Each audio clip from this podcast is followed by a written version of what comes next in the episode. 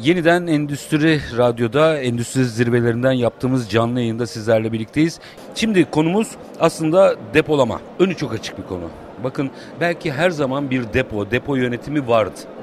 Ama işler değişti. İşler artık bir operasyon haline gelmeye başladı. İşler artık bir birim olmaktan çıkıp neredeyse bir sektör haline gelmeye başladı. Zaten buradaki depolama ve intralojistik e, zirvesinde tartışılan konulara baktığınızda da bunun dikkat çekici bir biçimde göze battığını görüyorsunuz.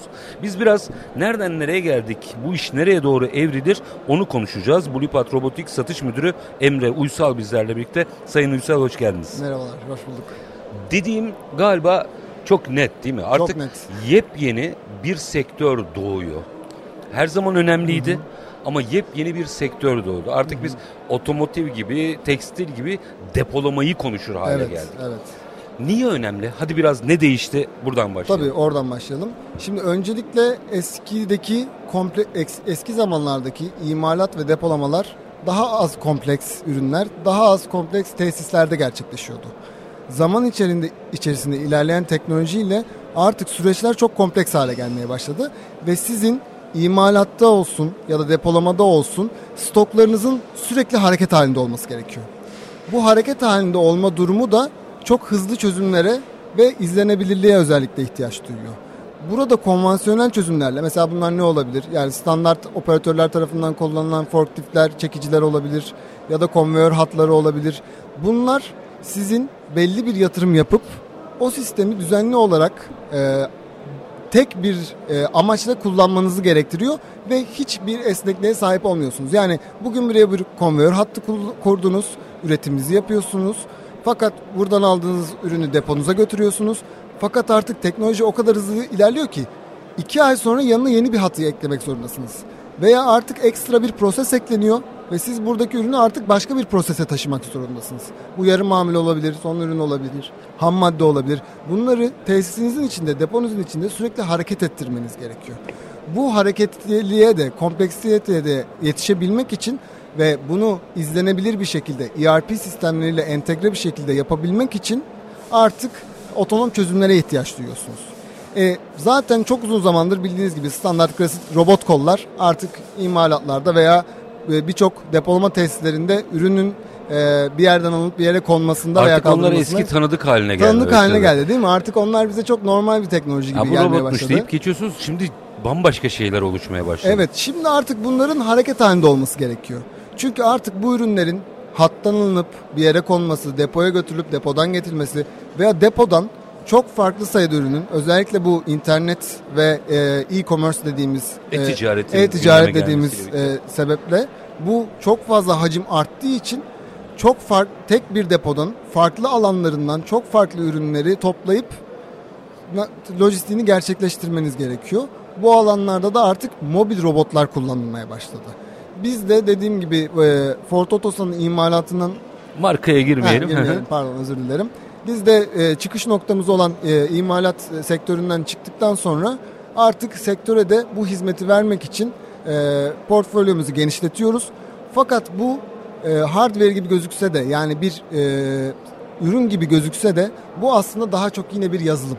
Yani çağımızın e, klasik artık yeni ekonomi oldu. dediğimiz şey yeni aslında. Yeni ekonomi dediğimiz şey. Yani ürünün %90'ından fazlası yazılım odaklı. Sizin yaratabileceğiniz fark artık yazılımda. Yani siz çok kaliteli bir saç, çok kaliteli bir tekerlek yani neyse yani bu kullanılan komponentler bazında konuşuyorum. Bunları bir şekilde tedarik edip veya gerçekleştirebiliyorsunuz veya daha doğrusu bunlar arasındaki farklar çok fazla yok. Ama siz yazılımda yaratacağınız katma değerle çok daha farklı çözümler sunabiliyor oluyorsunuz müşterilerinize. Depolamanın tabii işin içine teknolojiyle e, birlikte girmesi ama depolamanın aslında eskiden bir stoklama mantığından çıkıp hı hı. resmen bir operasyon haline evet. geldiği bir süreçteyiz. Galiba hı hı. bundan sonra çok daha fazla depolamayı, doğru yönetmeyi evet. bunları konuşacağız galiba. Evet evet evet kesinlikle doğru söylüyorsunuz. Çünkü burada artık şey de var. Depolama alanlarının da hacimleri çok artmaya başladı. Evet artık yani çok büyük depolama tesislerini kontrol etmek zorunda kalıyorsunuz. Burada da hacim çok yüksek olduğunda Artık bir otomasyon gerekiyor, izlenebilirlik gerekiyor. Hangi ürün nereye gidiyor, nereden ne alınması lazım, hangi rafta hangi ürün duruyor. Yani bunları manuel operasyonlarla yapmak artık gerçekten çok zor hale gelmeye başladı. Burada e, çok geleneksel bir alanda faaliyet gösteren bir firmanın otomotiv firmasından Hı-hı. bahsediyorum. Siz demin e, söylediniz ama ben tekrarlamayayım şimdi. Hı-hı. İçinden bir startup çıkartma hikayesini de merak ederim ben. Hı-hı. Çünkü kendisiyle belki de hiç ilgisi olmayan bir alanda enteresan büyüyen bir sektörü görüyor. Hı hı. Ve önce kendine sonra herkese hizmet edebilecek şekilde bir startup çıkıyor. O doğum hikayesini de biraz anlatabilir misiniz? Bence birçok kişiye örnek olacaktır bu. Tabii tabii.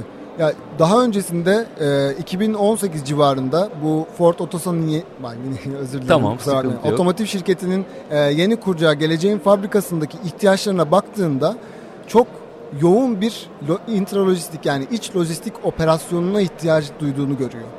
Bunun için de piyasada mevcutta bulunan farklı üreticilerden farklı robotlar alıp bunları deniyor. Hı hı. Fakat bunlar bu robotlardan istediği verimi alamayınca daha sonrasında iç girişim e, inovasyon e, ekibinde hatta bir fikirhane diye bir e, sta, bir e, programı var şirket içerisinde.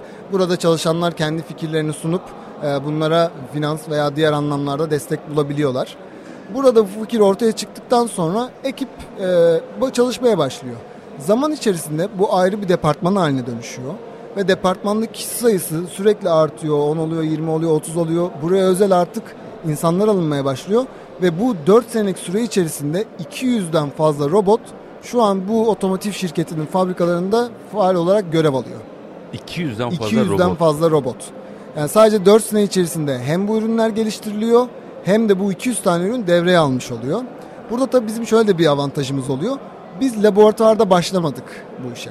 Biz sahada devreye alarak, sahadan geri bildirim alarak, sahanın ihtiyaçlarını görerek, problemleri analiz ederek sürekli olarak robotlarımızı e, revize ettik. Orada galiba avantaj iç girişim olmasıydı İç girişim değil olması. Mi? Kesinlikle iç girişim olması ve çok e, standartları yüksek yani yurt dışı standartlarında İSG standartları işte e, üretim baskısı çok yüksek olan bir tesis olduğu için en zordan başlamış oluyoruz bir yandan da. Bu biraz yorucu olsa da çok eğitici ve geliştirici oluyor tahmin edersiniz ki. Daha sonrasında ürünlerin ulaştığı teknolojik seviye ve pazar durumuna bakıldığında pazardaki rakiplerinden oldukça rekabetçi bir ürünler ortaya çıkarıldığı fark edilince bu ürünleri sadece kendine saklamak yerine bir artık startup haline dönüştürüp tamamen kendinden ayırıyor ve pazara hizmet etmesi için tam olarak iki ay önce yeni Blue Pet Robotics markası altında startup olarak hayatına başlıyor. E, bence bu hikaye herkesin kendi içinde ders alması gereken hikayelerden biri. Çünkü her firma kendi startup'ını yaratabilir ya da bir startup bu konuda fayda gösteren bir startup'ın hissedarı olarak e, operasyonlarını yönetebilir. Bu açıdan bence bunu ayrıca e, konuşmak istedim. Hı-hı. Tekrar depolamaya Tabii dönersek.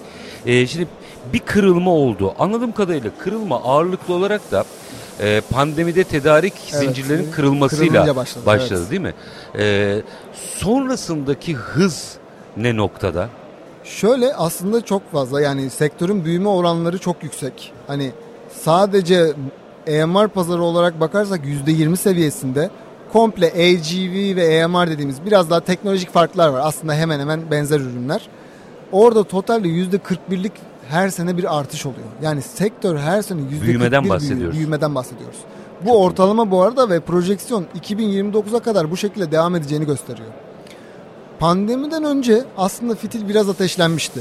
Yani büyüme oranları oldukça büyümüştü. Fakat teknolojinin yeni olması sebebiyle e, bir de yatırımların çok cüzi olmuyor. Robotik yatırım olduğu için tabii ki de çok uygun fiyatlarla olmuyor.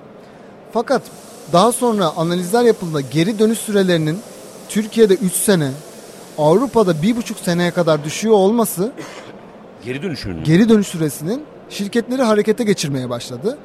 Dediğiniz gibi pandemideki de tedarik zincirinde ve işçilerin e, çalışamıyor olması ve bu sebeple de tedarikte sıkıntıların ortaya çıkıyor olması, üretimde de dahil olması sebebiyle bu artık bir patlama yaptı. Yani 2021'de bildiğim kadarıyla o zamanlar biz pazara hizmet etmediğimiz için sadece takip ettiğim kadarıyla biliyorum.